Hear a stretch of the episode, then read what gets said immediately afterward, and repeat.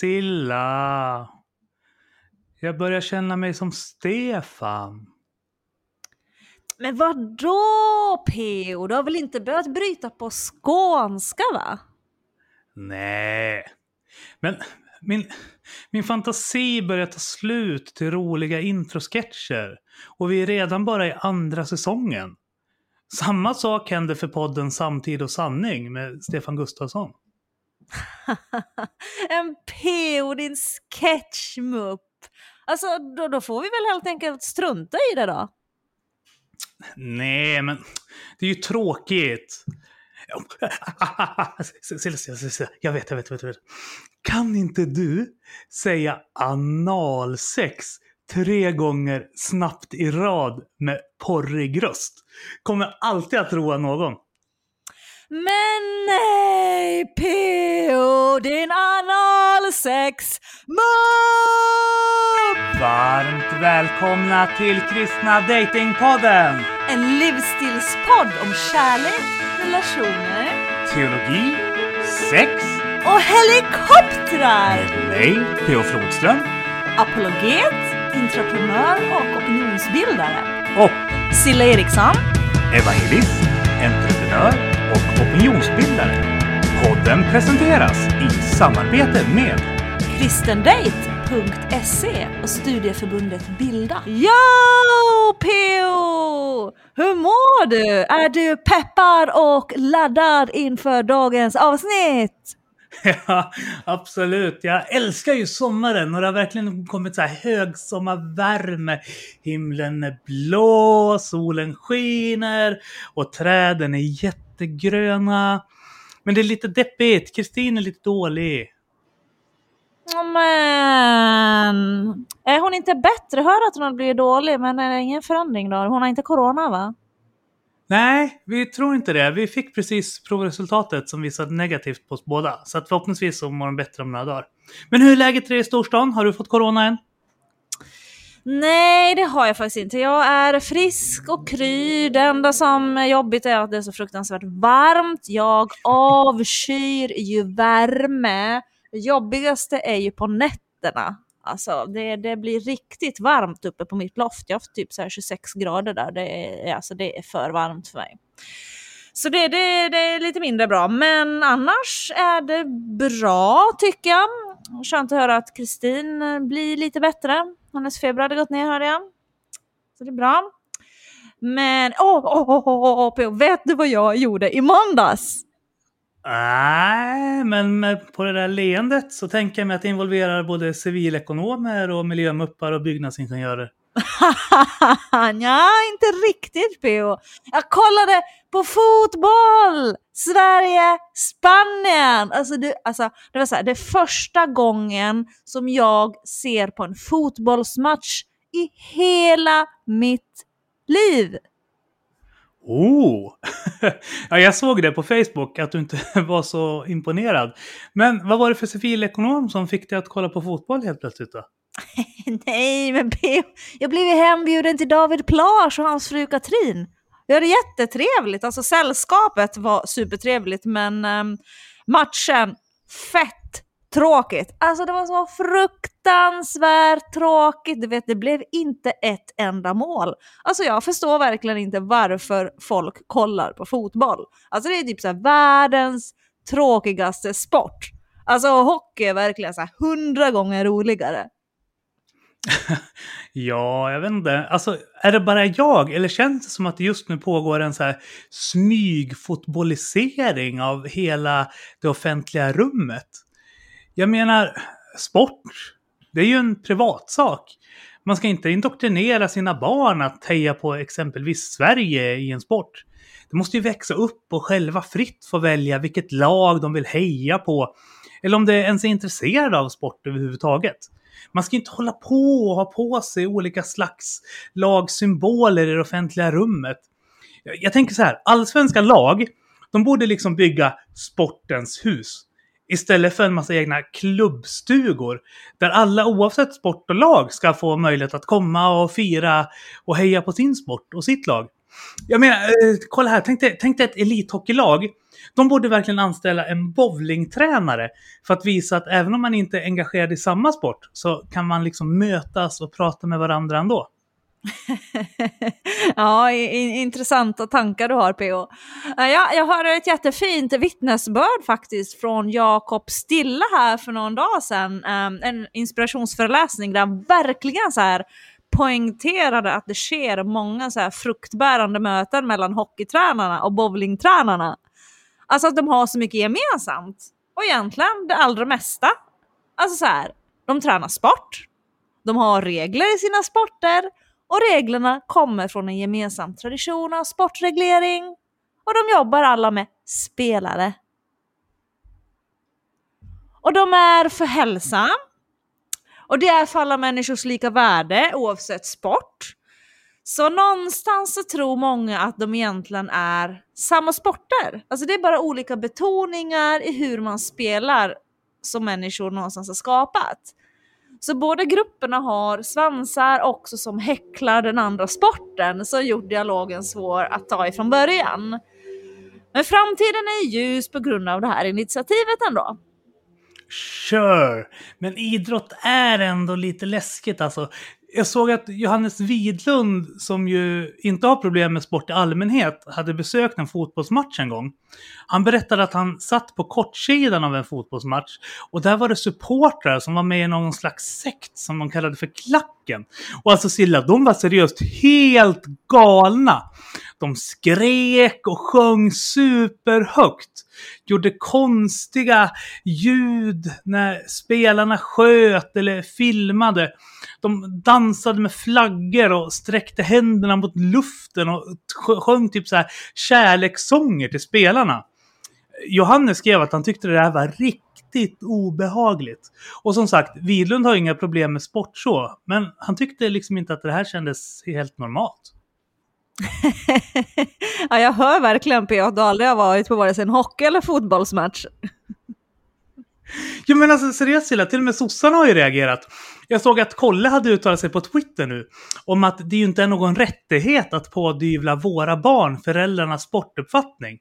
Jag menar, vi kan inte ha en massa skattefinansierade idrottsföreningar. Ska det idrottas så får folk göra det på sin egen fritid, för sina egna pengar. Det ska inte skattemedel gå till. Yay! Preach it PO! Som moderat så stödjer jag ju helt det där sista om att inte slösa bort våra skattepengar på en massa saker utanför välfärdens kärna. Så där ingår ju verkligen inte idrott, får jag säga ändå. Men du, uh, vet du, alltså jag måste, bara måste få säga en till sak när vi ändå är inne på det här med idrott. Alltså såg du den nya policyn från Riksidrottsförbundet? Nej. Alltså PO, det här är seriöst helt sjukt. Så här va, Svenska friidrottsförbundet antog i fredags en ny policy som innebär att alla ska få tävla som valfritt kön. Alltså vilket innebär att oavsett vilket kön du är född i så ska du få möjligheten att tävla i den tävlingsklass som du känner att du tillhör. Alltså svensk friidrott vill ju då bli mer så inkluderande mot transpersoner. Alltså helt sick! Ah, alltså det är väl bra att civilsamhällesaktörer gör sitt bästa för att inkludera så många minoriteter som möjligt. Tycker du inte det? Nej, jag tycker inte det P.O. Här tycker du och jag olika. Alltså, det är så här, det här kommer bli damidrottens fall. Alltså risken om det här fortsätter, det är att vi kommer i framtiden ha enbart en hemklass. Helt sjukt! Alltså vi behöver ju någonstans inse och bejaka att män och kvinnor är olika. Vi är biologiskt olika, med olika uppsättningar av hormoner, vilket gör att vi har fysiologiskt olika förutsättningar. Det är därför som vi har dam och herrklass i de flesta idrotter. Och så behöver det fortsätta vara om vi inte vill förlora damerna inom idrottsvärlden.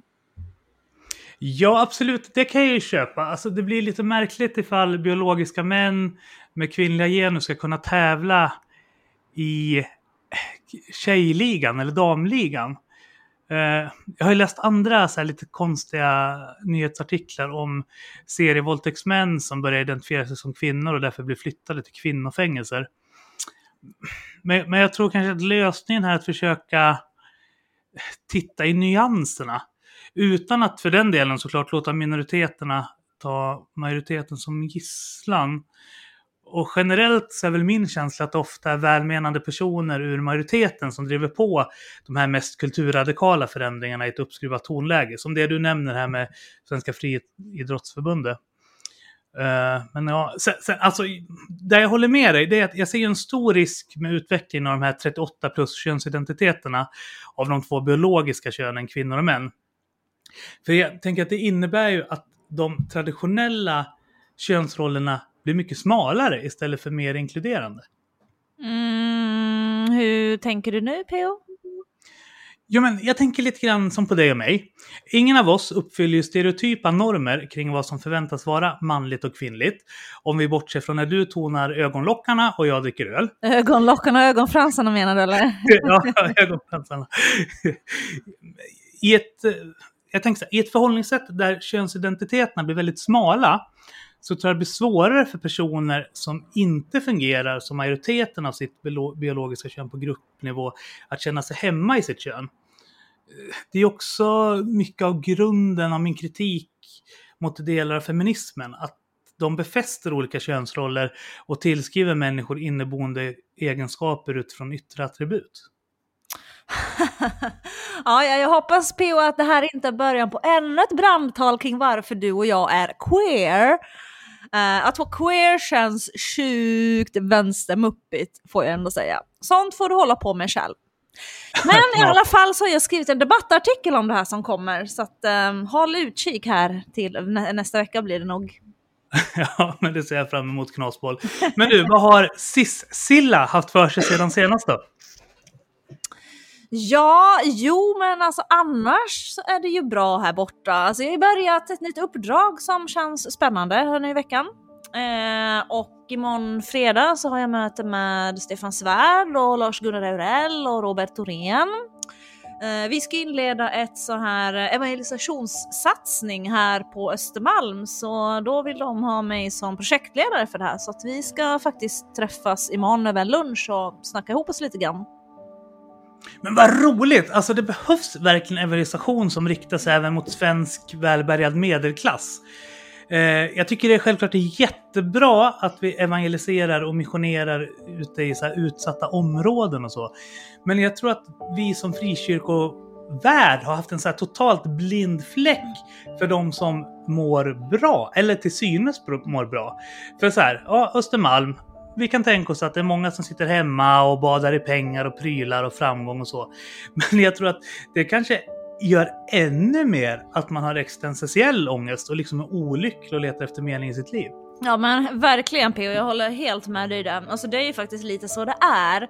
På ytan här på Östermalm så lever ju många väldigt så här, ja men perfekta liv. Man har ett välbetalt jobb man går till, karriären går spikrakt. De kör den senaste Porschen, frossar i räkor och dyr champagne på helgerna. Men ändå så är det liksom någonstans någonting som saknas. Så. Ja, jo, men jag har ju sett också att droganvändningen är jättehög i typ så här Lidingö, Östermalm och de här välbärgade områdena. Ja, det, det är det säkert. Dock så är ju det ingenting som man ser här så. Men det finns ju tydligen dessutom bordeller här. Trots att det inte heller är någonting som man ser. Och det är ju så, det är mycket man inte ser här, alltså under den här perfekta liksom fasaden. Ja, och det är det jag tänker kan vara utmaningen i just de här mer välbärgade områdena. Att där blir det mycket viktigare just med yta än vad det är i sådana här mer utsatta utanförskapsområden. Jag tänker att vi som kultur kanske behöver bli bättre på att våga visa vad vi har under ytan. Inte minst i frikyrkomiljöer, att våga skala av och våga visa oss sårbara. Men jag tror att det blir allt svårare och svårare i en offentlighet som har behållit synden men i praktiken avskaffat både nåden och upprättelsen. Mm, ja, nej men jag, jag kan verkligen hålla med dig där det PO. För det är ju det är någonstans också när vi vågar liksom så här skala av alla lager och visa det som faktiskt finns innerst inne här inne. Det är ju då liksom någonstans också vårt sanna jag kommer fram. Men det är också väldigt, väldigt läskigt för många att liksom våga göra just skala av allt det här och våga ta fram den här sårbarheten. Just för att det är, jag tror det finns också liksom den här rädslan hos många att den som jag innerst inne är, en rädsla för att det inte ska vara tillräckligt bra. Ja, precis. Och väldigt många har ju just en prestationsbaserad självkänsla som inte är sund. Jag tänker, i en tid där personligt varumärke, jag AB, är en så stor del av vår identitet, bygger vi upp mycket av vårt värde i vad vi presterar. Ja men verkligen. Och det är ju där det blir fel. Alltså det är ju det som inte någonstans här håller i längden. För om jag är vad jag presterar, om jag är mitt personliga varumärke, alltså vad händer den dagen som det tas ifrån mig då? Alltså den dagen jag förlorar mitt jobb eller den dagen jag blir sjuk eller min relation tar slut. Eller den dagen liksom något annat oväntat händer. Alltså det håller liksom inte att bygga vårt liv på. Vi behöver liksom bygga vårt liv på en berggrund, inte på en sandstrand. Och den berggrunden heter Jesus! Amen syster, bygg inte hus på en sandig strand. Bygg inte hus på grus.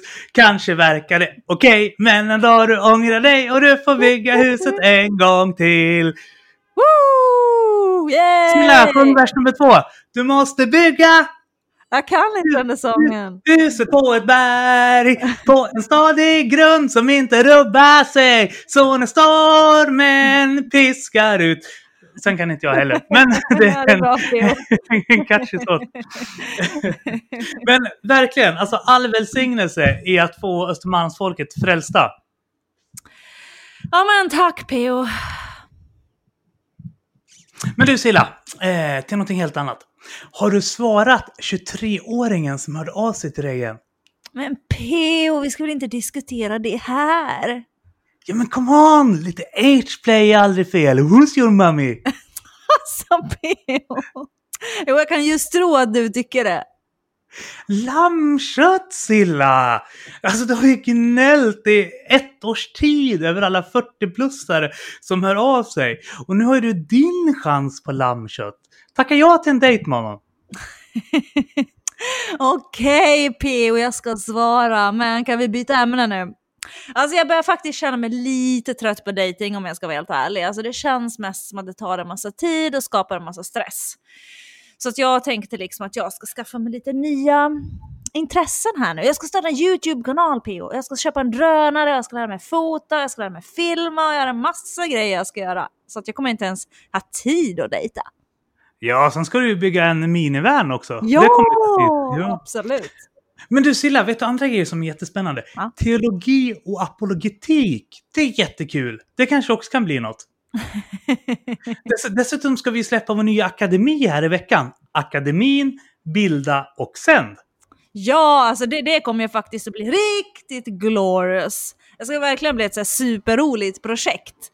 Uh, men jag tror att jag uh, vill ha ett lite mer um, liksom hot fritidsintresse faktiskt. Kanske ska levela upp mitt uh, politiska engagemang här också. Det är ju snart valår. Så, ännu mera moderat mupperi. PO-mupperi, du kan vara mupp själv. Jag såg förresten dessutom att Norsin just tagit hjälp av Åkesson, Bush och Kristersson för att fälla regeringen på måndag. Så det kanske blir valrörelse redan i år. Jo, oh, jag kan just tro det. Personligen så tyckte jag det skulle räcka med ett kyrkoval i år. du är bara rädd för att vi borgare ska få chansen att spöa er vänstermuppar tre val i rad innan loppet av ett år. ah, I valet till Svenska kyrkan så sympatiserar jag med frimodig kyrka och påsk. Så. Woho! Högermupperiet har smittat av sig hör jag. Fast jag har lite svårt att säga hur höger-vänster-skalan är relevant inom teologin faktiskt. Men kör! Sure. Ifall det är vägen för att få dig mer intresserad av teologi, så varför inte? Men åh, alltså seriöst, alltså ni teologer är så gråa, trista och tråkiga. det tycker du ju inte. Du tycker att Olof Edsinger är skitrolig. Ja, men PO han snackar faktiskt om sex. Ja, och teologi. Men jag tror kanske att apologetik ändå skulle passa dig lite bättre än teologi. Det är mer hands-on, liksom, inte lika teoretiskt. Vi kanske skulle kolla med Stefan Gustafsson om han är hemma. Han håller på att sälja sitt hus i Nacka och ska flytta in till city. Så du, han och Svärd blir nästan grannar snart. Ooh, spännande. Ah, alltså jag vet inte, det är lite för varmt P.O. Det är fruktansvärt varmt ute. Så lite kanske för varmt just idag. Men apologetik, ja det låter ju lite som politik i och för sig så ja, det kanske är hot. Ja, definitivt. Dessutom så lovade Stefan mig sist vi sågs att vi skulle få intervjua honom om onani. Onani? Det är hot. You got me interested. Härligt! Men jag kanske ska gå och ringa Stefan då och kolla om han är upplagd för lite onanisnack medan vi lyssnar på veckans låt. Men du, eh, innan det, vad är dina tankar kring onani? Jag vet ju att du är väldigt antiporr. Jo, antiporr är jag definitivt. Men alltså så här, alltså jag har, tycker jag själv, en rätt sund relation till onani. Alltså jag tycker ju att, alltså ska jag vara helt ärlig så har jag tycker jag själv då, en väldigt sund syn på både onani, sex och liksom min sexualitet. så. Alltså det är liksom alltid någonting som har varit så naturligt för mig och det är liksom ingenting som jag på något vis har känts för eller haft några problem med eller som har varit skamligt på något sätt. Uh, och jag har sagt det förut och jag säger det igen. Jag tycker att det finns någonting sunt i att bejaka sin sexualitet. Jag tror att vi tjejer behöver bli bättre på det. För vi är ju sexuella varelser och det är så Gud har skapat oss. Sen finns det ju alltid såklart så här, ramar vi behöver hålla oss inom. Och det är som allt annat, onani kan ju också bli destruktivt. Och pornografi exempelvis, det är ju definitivt ingenting som jag förespråkar. Nu pratar jag om det här utifrån ett kvinnligt perspektiv ska också tilläggas. Eh, och jag tror ju att det är vanligare bland män att, att liksom så konsumera pornografi i samband med onani. Och det tycker jag blir destruktivt. Så nej, det ska man definitivt undvika. Jo, men absolut. Det är väl lite som både Edsinger och Andreas Skogholm säger, att allt som riskerar att bli ett sånt stort intresse att det kommer mellan dig och Gud är potentiellt farligt. Oavsett om det är onani, sport, politik eller Netflix. Ja, jo absolut. Men ja, jag tror i alla fall att många tjejer i den här kyrkan borde bli bättre på att bejaka sin sexualitet. Så mer onani och mera rosa dildos till frikyrkotjejerna. Alltså ni killar tror jag redan är liksom tillräckligt bra på det faktiskt. ja, det, det tror jag också. Men du, vet du vad PO, om du går och uh, ringer till Stefan nu och kollar om vi kan kika över medan vi lyssnar på veckans låt som vår vän EFK-pastorn Per Alexandersson har skickat in. Och det är faktiskt så här att den är inte släppt än. Så det här blir ett uruppförande för er som lyssnar. Exklusivt för Kristna Datingpodden. Och låten heter Jacobs Ladder, skriven av Per Alexandersson och producerad av Mats Dernand.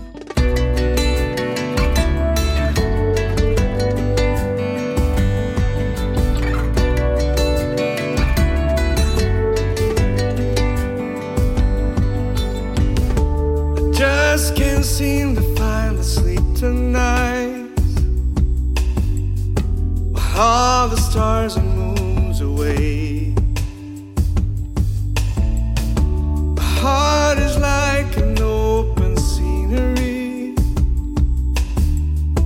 my dreams and history embrace.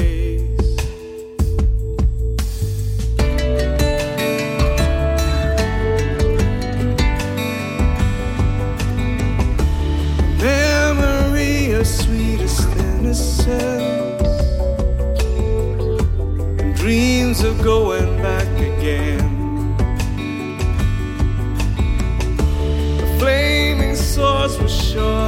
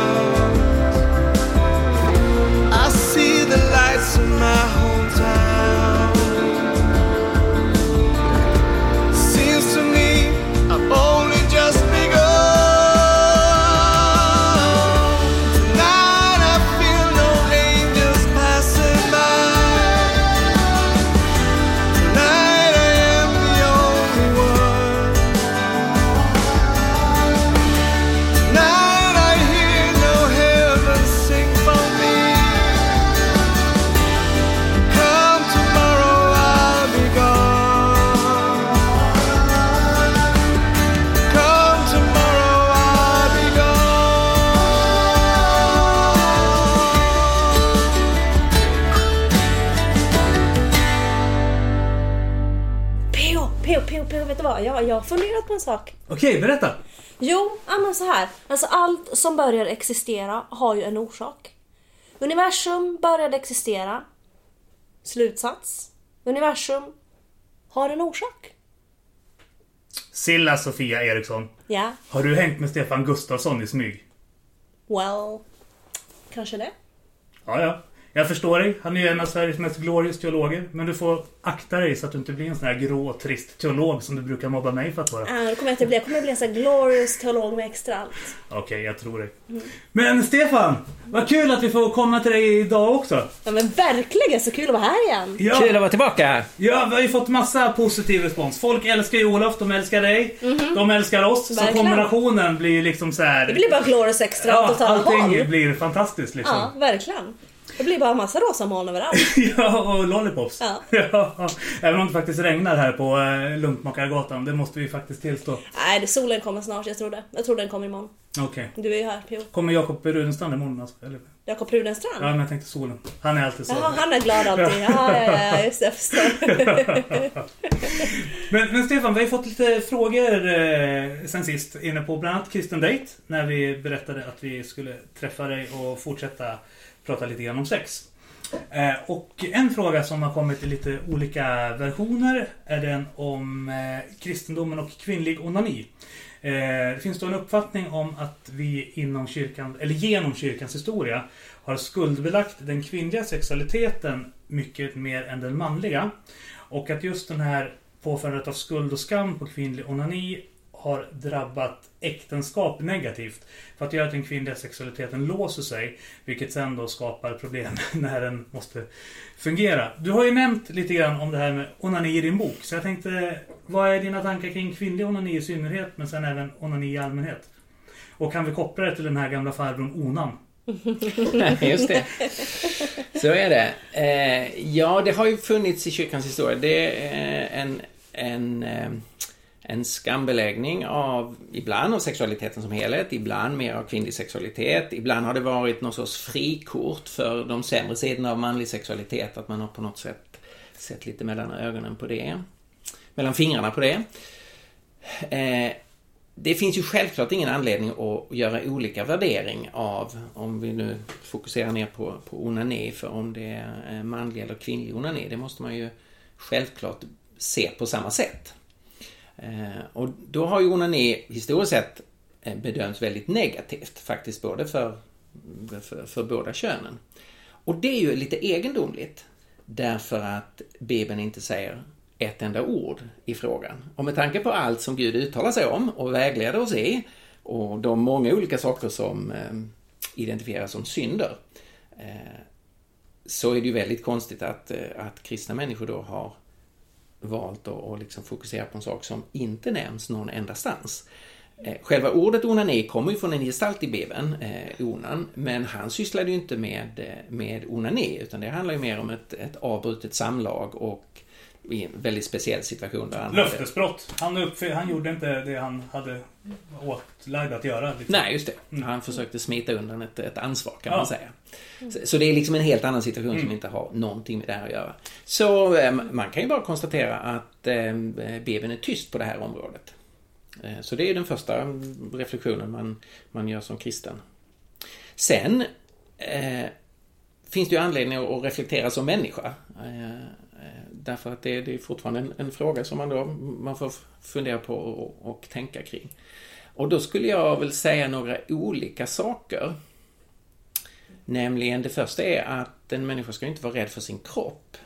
Och det är ju naturligt att, eh, att en, en, en ung människa eh, när man eh, blir med, börjar och, eh, tidigt blir medveten om sin kropp och medveten om sin sexualitet så är det ju inget konstigt att man eh, Eh, man skaffar sig kunskap och utforskar sin egen kropp. Eh, det, det är ju ganska märkligt om man är främmande för, för vem man själv är och att man är obekant med, eh, med kroppsliga funktioner. Och det är ju ingenting att, att eh, skämmas för. Så ur, ur den aspekten kan man ju ha en ganska avspänd och naturlig liksom, inställning till eh, de här frågorna. Bibeln säger ingenting. Eh, det, det är ganska naturligt att, att, att o- också förstå vem man själv är, eh, också kroppsligt. Eh, Men sen kommer det ju liksom en tredje aspekt som man kan ha med i sin, i sin eh, reflektion, nämligen vad är syftet med sexualitet? Och det större syftet med sexualitet det är ju att bli relaterad till en annan person, Mm. gemenskapen med en annan människa och att kunna bli upphov till en ny människa. Eh, Så liksom de två grundläggande aspekterna av sexualiteten är ju relaterad till någonting annat än mig själv. Nämligen mötet med en annan människa och det fantastiska tillsammans för att skapa en, en, en ny människa. Och då kan man ju säga att onani är ju inte i linje med det. Mhm. Eh, utan det är ju någonting som vänder sexualiteten in mot mig själv. Och som därför inte, inte uppfyller liksom sexualitetens syfte. Eh, och då... Det gör då att jag är, är, är tveksam till, ska man säga, nej men det här är helt naturligt, eh, fortsätt med det hur mycket som helst, tänk inte på det, liksom så. Utan jag tycker snarare det är naturligare att, att ställa frågan, borde jag inte försöka leva eh, mer i på något sätt samklang med vad sexualiteten egentligen syftar till?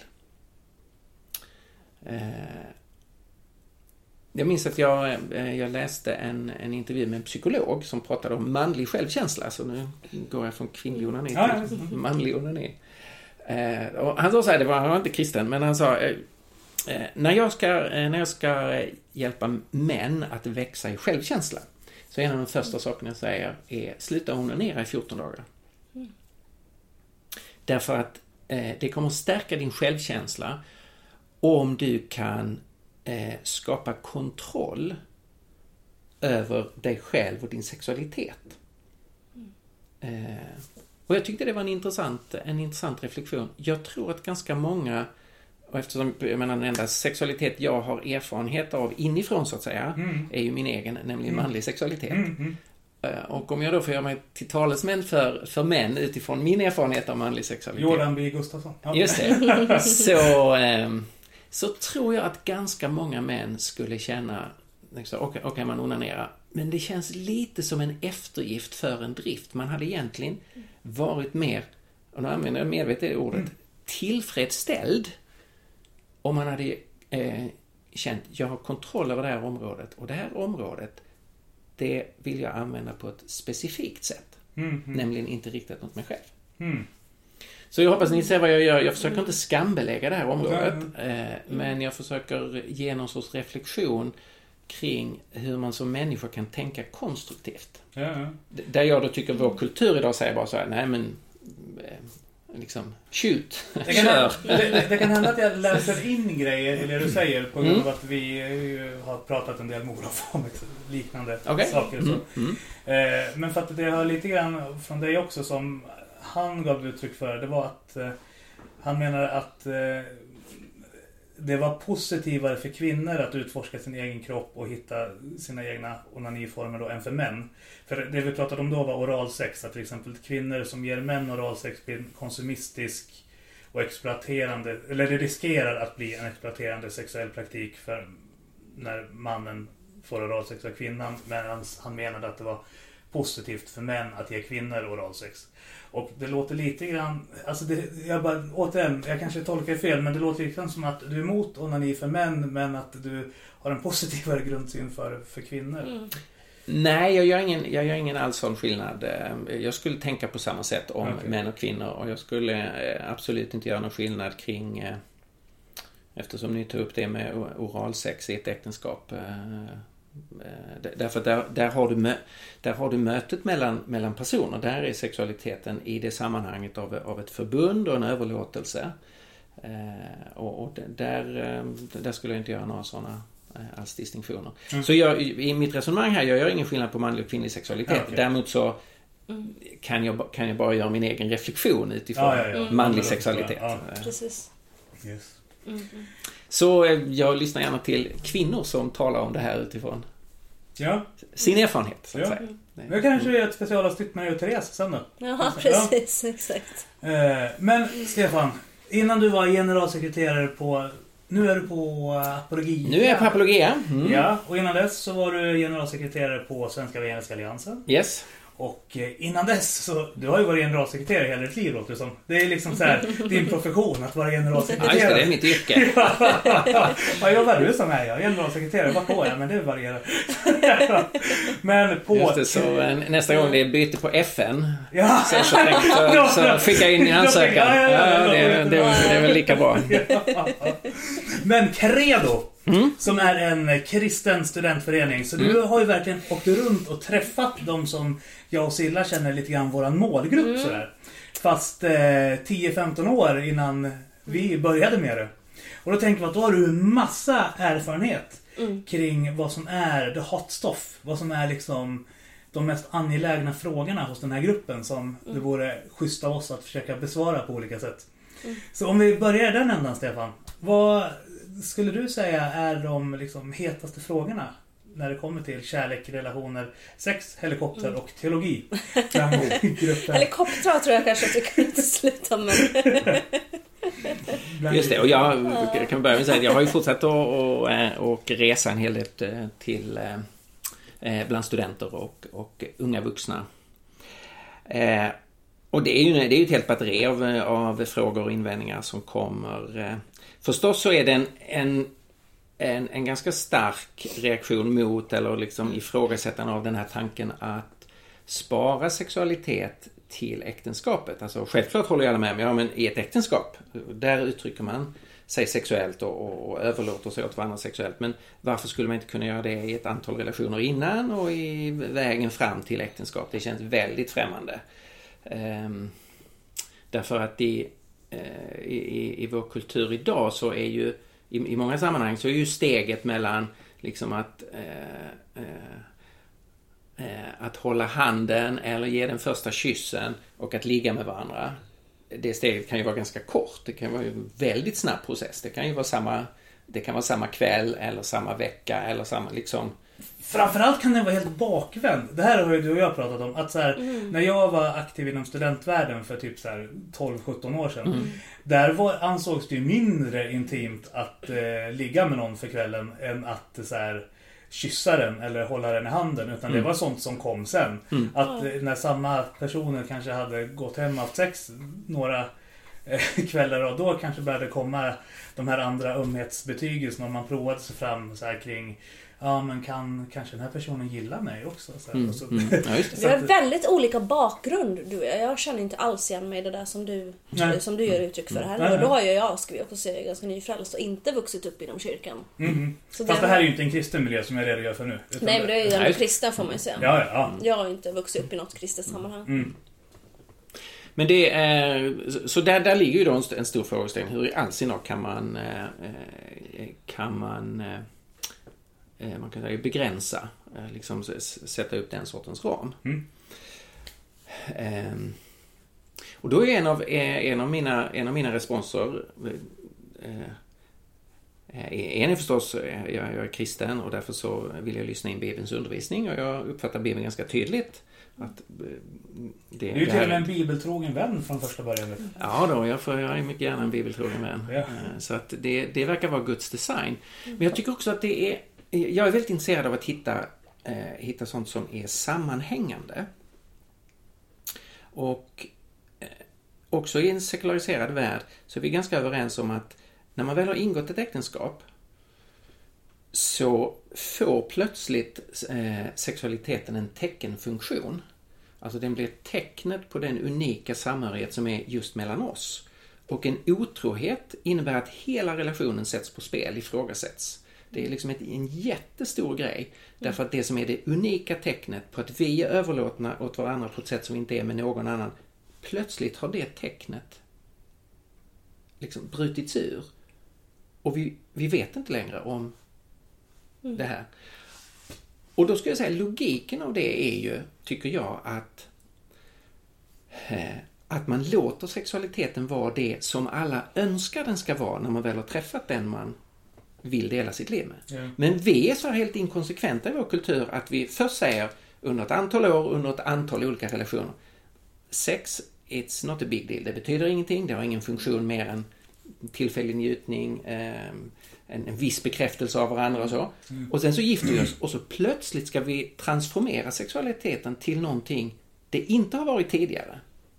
Och jag har lite svårt att förstå eh, det jag skulle önska liksom, och ser man säga, skönheten i att ha ett konsekvent tänkande, att hela tiden tänka sexualiteten är ett tecken på en yttersta överlåtelse. Men risk för att låta gnostisk där Stefan. Men, och, och återigen, du pratar ju på gruppnivå. Men alltså så här. Jag har jättesvårt att relatera till det. För att för mig är känslor, alltså emotionell närhet väldigt mycket viktigare. Alltså så här, jag skulle ha mycket lättare att eh, förlåta en partner som är sexuellt otrogen mot mig än någon som är eh, emotionellt eh, otrogen mot mig. Så, Men eh, vad är det som gör att du... Vad anser du är beläggen då för att just sexualiteten är eh, den högsta formen av förbund? Eh, Så. Eh, själv- Självklart kan, kan vi individer eh, reagera olika. Eh, så jag respekterar det som du säger. Eh, jag skulle fortfarande säga att generellt sett, om en man kommer hem och berättar för sin hustru eller en hustru kommer hem och berättar för sin man. Och i det ena scenariot så säger man då så här. Jag måste erkänna, jag har, jag har delat rätt så mycket tankar och känslor med en, en arbetskamrat. Som jag inte borde ha gjort. Jag har varit väldigt personlig. Och jag vill be om förlåtelse för det. Jag har brutit den här relationen på, och, och jag vill att det är du och jag som ska vara intima. Den situationen jämfört med att man kommer hem och säger eh, jag har haft sex med min arbetskompis. Så tror jag de allra flesta skulle säga att det, det senare är ett större, svårare, djupare svek. Och helandeprocessen tar längre tid. Eh, så eh, det skulle jag säga är en, eh, om man nu generaliserar, den, den allmänmänskliga rela, relationen här. Och det bekräftar i så fall eh, det, det som jag säger här. Att egentligen vet vi att sexualiteten har den här djupa liksom, teckenfunktionen. Eh, och då tycker jag den kristna synen är, den, det är en sammanhängande syn. Eh, där man säger, jag, jag vill tänka så över hela mitt liv. Att sexualiteten har eh, den här, det, det är ett förbundstecken. Mm. Och sen kommer ju till en, det är en mer pra- pragmatisk sida då att sexualiteten kan ge upp, upphov till nytt liv och nytt liv har liksom en rätt att, att eh, ha kontakt med sin mamma och sin pappa. Och innan man har överlåtit åt varandra på det, på det sättet som man gör i äktenskapet så är ju den där rätten för barnet som ju kan bli ett resultat, sexualiteten, den rätten hänger lite i luften. Eh, Så, så det blir ytterligare ett arg- argument att tänka konsekvent här utifrån eh, sexualiteten. Det var den vanligaste frågan så. Mm, mm. Vad är den näst vanligaste? Ja, sen har det ju under, eh, under många år så har ju frågan om samkönade relationer eftersom det diskuteras så mycket i samhället och varit en så uppslitande diskussion i, i kyrkan så det är klart det, det är... Vad tycker du om homosex? Exakt. Som vi säger till Olof, eftersom jag och Silla inte är samkönare så lyfter vi på hatten och går vidare till fråga nummer Ja, precis. Sen kan jag tänka mig att det med porr måste ju vara ett ganska hett ämne också. Stefan är det inte det? Måste ju vara det, tänker jag. Eh, Skulle det vara killar, tänker jag. Men även tjejer. ja, det är... Jo, det, det, det, det är verkligen ett hett ämne eh, på det sättet att eh, eh, eh, mä- människor tittar mycket på porr. Eh, många, eh, många leder av att man tittar på porr.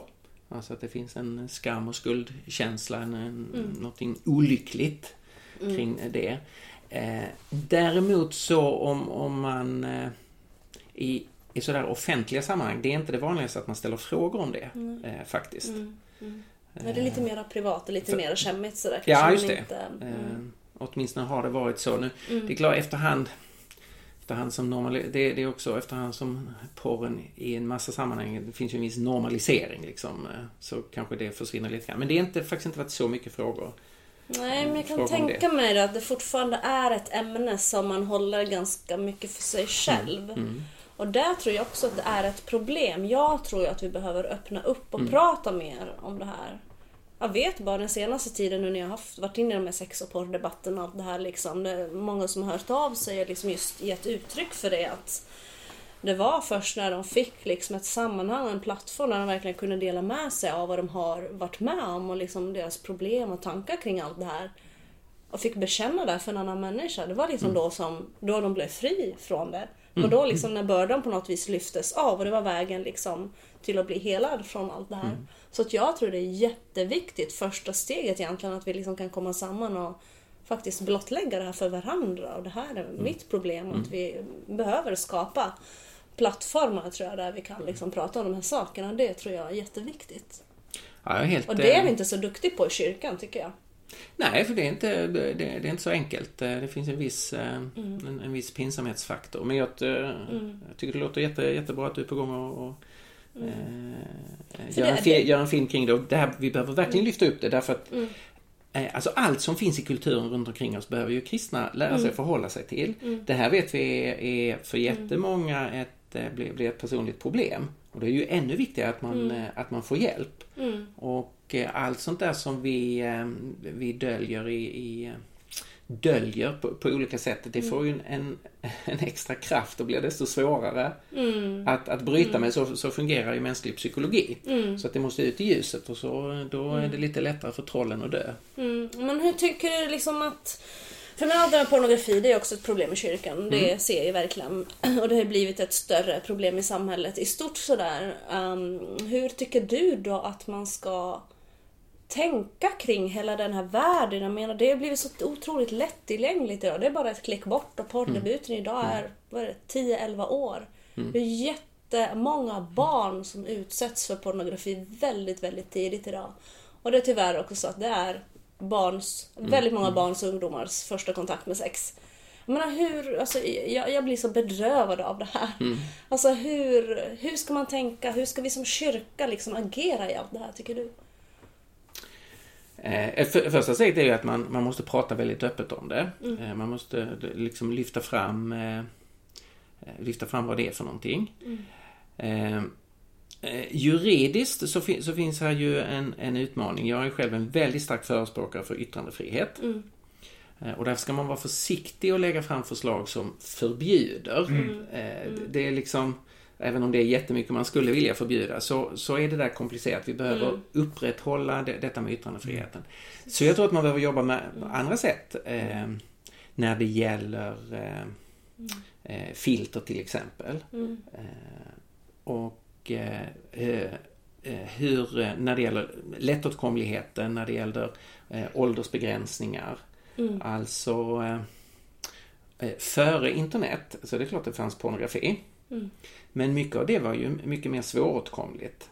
Och det fanns åldersgränser på, eh, eh, på, på bio. Och, eh, så där, så att det, det fanns lite mer inbyggda skyddsmekanismer för, eh, för barn. Och det var eh, lite svårare för tonåringar och, och vuxna ändå att komma åt det. Det fanns inte liksom bara en, ett, eh, en knapptryckning i- iväg. Så där behöver man ju, skolan bör, skolor behöver ju fundera på det. I, I nätverken och datorerna på skolorna. Familjerna behöver, ju, eh, behöver ju fundera på Ja, men det. jag tror också det är två nycklar i verkligen att föräldrarna och skolan tillsammans tar ansvar. Sen tror jag idag kanske inte att föräldrarna har de resurserna, speciellt inte liksom de som kommer utifrån Sverige. Där kanske inte ligger i kulturen att man snackar inte kanske om porr på det Nej, sättet. Så jag tänker där behöver skolan kanske ta sitt ansvar och kanske ta upp på föräldramöten och uppmuntra föräldrar att liksom snacka om porr med sina barn för att det inte faller naturligt kanske. Att de föräldrar behöver stöd i den här frågan helt enkelt. Just. Tänker jag. Så att de tillsammans med skolan behöver på något vis ta ett, eh, ta ett grepp om det här och ta ansvar för det tillsammans. Och sen behöver man analysera eh, porrindustrin. Jag, eh, i, I boken så eh, refererar jag till en intervju som eh, tidskriften Kvartal eh, gjort med en amerikansk forskare som eh, eh, som har analyserat porrindustrin. Och det är verkligen en eh, bedrövande sorglig läsning som jag tror de flesta som liksom tittar på sin telefon eller på sin, eh, på sin dator inte är medveten om vad, vad är det för industri som har producerat det här och vad händer med de människorna som nu är objekt för min, eh, för min njutning eller upphetsning eller spänning. Och jag tror det kan vara en, en ganska stor hjälp att, att få se den, den baksidan. Man måste bli medveten om eh, eh, vad det här är för någonting. Och det känns inte som att den medvetenheten alltid finns. Samtidigt känns det ju också som att hela porrbranschen på något vis, kan jag känna, bara helt har spårat ur. Det är ju mainstream pornografin idag, den innehåller ju inslag av misshandel, överfall, strypsex. Alltså det är normalinslag idag, det har blivit normaliserat. Så att jag känner liksom bara så här, ja, men vad blir nästa steg när man på något vis har, när det här har blivit normaliserat? Vad blir nästa steg? Vad händer sen? Mm. Jag vill inte ens tänka på det liksom. Och jag tror att det är den funktionalistiska ingången som fungerar ifall du ska prata med en tonåring. Alltså just vad som händer i din hjärna ifall du överladdar den med vissa sinnesintryck. Eh, ett exempel som jag brukar tycka är ganska pedagogiskt att prata om Max vaniljlyxshake kontra Max eh, vanliga milkshake. Eh, att tecken på att du har förstört dina smaklökar genom att överbelasta dem med olika E-nummer och artificiella smakämnen är att du tycker att deras original milkshake smakar godare än deras lyxshake.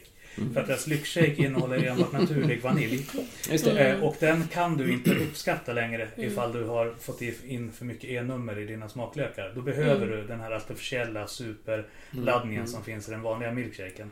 Och att dra den parallellen då till pornografi kontra sex. Att vill du kunna uppskatta lyxshaken eller vill du liksom eh, förstöra den med vanliga standardshake? Jo, jo men tä- tänk en sån här kille som, då, som har börjat konsumera porr, våldsporr från en ålder av 10 som sen kanske när han är 25-30 gifter sig. Tror ni att den personen då kommer tända på normalt sex med sin fru?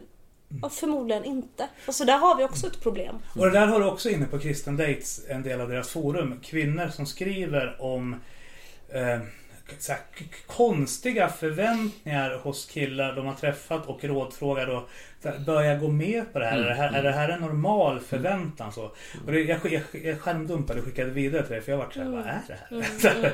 Så, eh, Och Det var ju en stor, stor debatt i, eh, i Svenska Dagbladet om jag minns rätt här. Barnmorskor som larmade om unga flickor som eh, är med om eh, våldsamt hårt sex som, som helt enkelt skadar, man skadar sina kroppar och, och man eh, tvingas eller mm, liksom lite motvilligt gå med på saker som man egentligen inte, inte vill och som, som är inspirerade av, eh, av eh, porren. Så här, finns ju, här finns ju jättemycket, eh, jättemycket som är destruktivt. Mm, Och det har ju drivits fram, alltså, det här är ju verkligen ingenting nytt men alla sådana här invändningar har ju hela tiden viftats bort och man har sagt var inte så eh, sexnegativ. Utan det här är bara det här är bara ett sätt för att lära, lära människor att, att liksom positivt kunna ta för sig kring, eh, kring sexualitet, sexualitet alternativt att bara skapa underhållande fantasivärldar ungefär som, som fantasy i film. Det är ju ingen som får för sig att det, den världen finns utan det är bara liksom en fantasifull värld och sen går man ut i biosalongen och så lever man i sin vanliga värld och tror inte att de varelserna existerar. Eh, Det, det har ju varit den sortens, eh, sortens argument. Och självklart är det så att för en del så kan man skilja från skilja porrens värld från det, det vanliga. Eh, Men det är också uppenbart att för, för andra så, så sker det sammanblandningar här och glidningar. Och man... eh, Det, det är ju ny kunskap om hjärnan, att vår hjärna, uttrycket är ju att hjärnan är plastisk, att den, eh, vår egen hjärna förändras utifrån de erfarenheter vi gör. Ja, för det- slutar man att titta på porr så återgår det ju till det normala. Det har man ju kunnat se på studier också. Absolut. Så det, det är också en aspekt, vad, vad, är det man vill, eh, vad är det man vill utsätta sin hjärna för? Men du, jag tänkte, ska vi inte avrunda med ett litet roligare ämne? Eh, Finns det något roligare än sex? Ja, ja men jo men det gör det. Alltså så här, Eller något mer intressant kanske? Ja, jo, men så här, nu, nu så här, jag har ju en liten idoliserad bild av Stefan eftersom så här, eh, jag har ju följt dig sedan 2012 redan och innan, eh, innan jag visste ens vad apologetik var så eh, visste jag att jag var apologet och sen så eh, träffade jag på dig och så vi öppnade upp en värld av böcker och grejer liksom. Så jag tänker mig att du har lite grann så här svaren på livets stora frågor. Eh, och det, en stor fråga som jag och Silla ofta diskuterar, kan, kanske mer utanför podden nu för tiden än på podden. Det är så här. Hur träffar vi våran drömkvinna kontra våran drömman? Vad är Ja, dina bästa dejtingtips. Stefan? Tre topp 10. Du har du två minuter på dig. Tre Nej, topp... ge han, ge han, ge han, ge han förlängning. Tre tips. Hur träffar jag min drömman? Ja, hur träffar jag min civilekonom i blå skjorta. Min rödhåriga poptjej utan blå koftor. De ska ha koftor och kanske palestinakors. det. Nej, min ska ha blå skjorta. Jag tycker nog att eh, tips nummer ett är glöm drömprinsen och prinsessan. Mm, Ja. Ja, det tycker jag. Eh, av den enkla anledningen att eh, eh, man...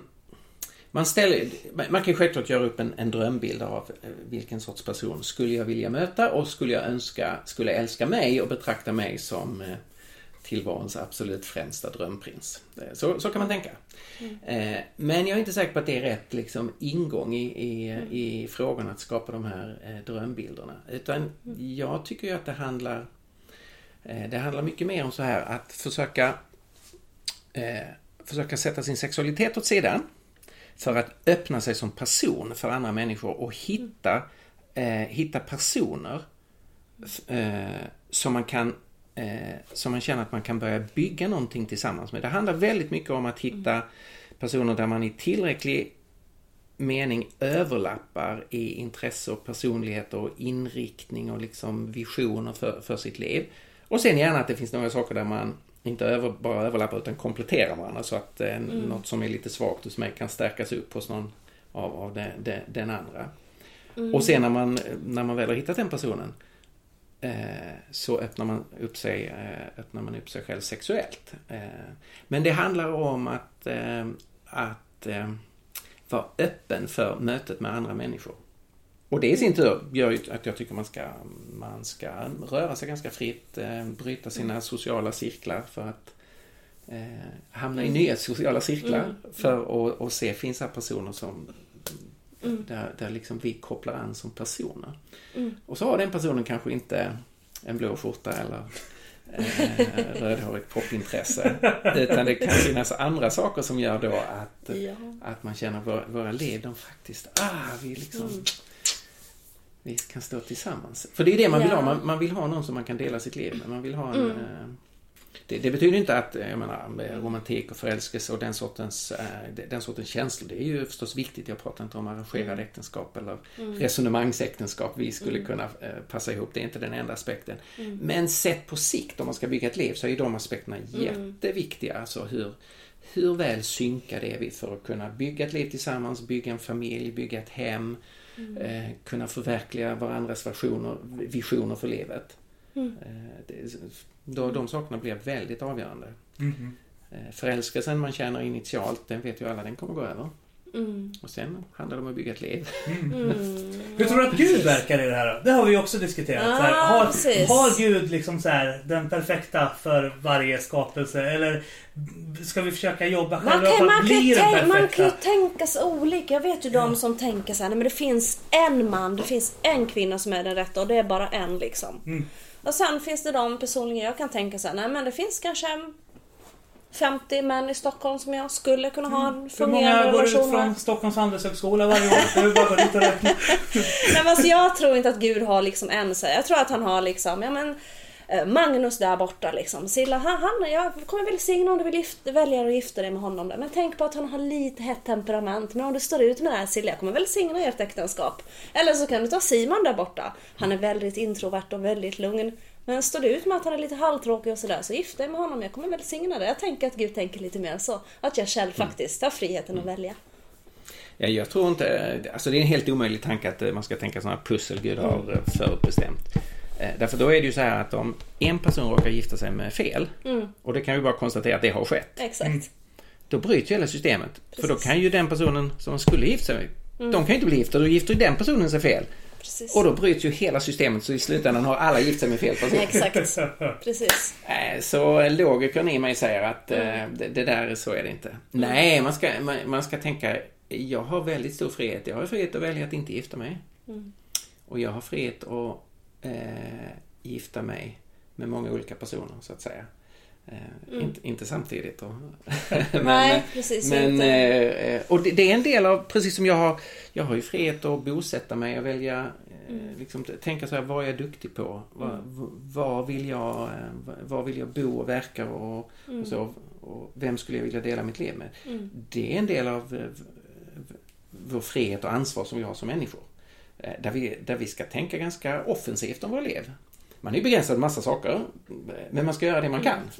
Eh, För att Dina bästa uppvaktningstips då? Är det att liksom imponera med en schysst apologetikutläggning på någon härlig pingstpingla? Eller har du någon annan liksom, strategi du kan dela med dig av? Jag vill ju bli hämtad i helikopter. Ja. Ja, vi är lite olika du och jag. Ja, jag kan däremot, alltså skulle en tjej komma fram och dra liksom en schysst apologetikutläggning så är ju risken överhängande stor att jag skulle falla för det. Så att, jo men för det är så exotiskt. Ja men alltså Ja, så här, jag faller förstå, förstå, förstå alltså så här, hur få tjejer det är som ens har det intresset för att bygga upp den liksom, det. förmågan. Mm, ja, vi, vi kan ju konstatera att du och jag är väldigt, väldigt olika. Jag så är väldigt glad över att du vare sig är kille eller lesbisk. Så att det är liksom...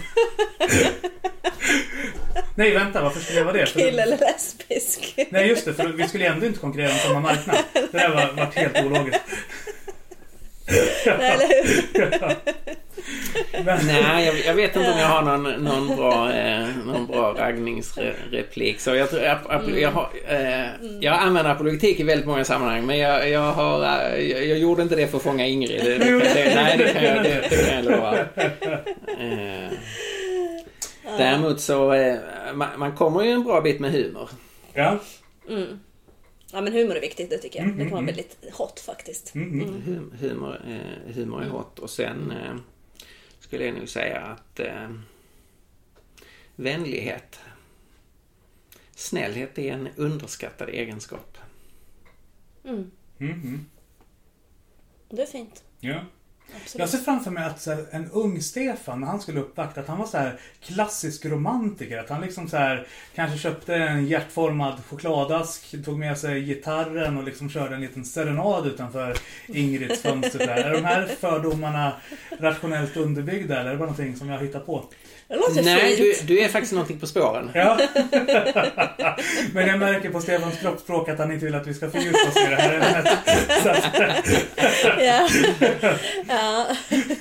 men Cilla, har du någon avslutande fråga till Stefan? Eller ska vara Eh, nej men du har ju tagit upp det väsentligaste. Raggningstips och eh, hur vi ska tänka kring att hitta vår drömprins och prinsessa. Så att... ehm, ja. Men vi får tacka så jättemycket Stefan. Det var jätteroligt att få träffa dig. Vi träffades ju första gången här nu faktiskt. Väldigt roligt att vara här. Tack Ja. ska ni ha.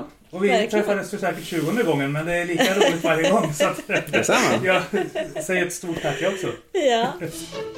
Stort tack för att du har lyssnat på Kristna Datingpodden. En livsstilspodd i samarbete med kristendate.se och studieförbundet Bilda. Mig, Silla Eriksson och Med mig, Theo Flodström.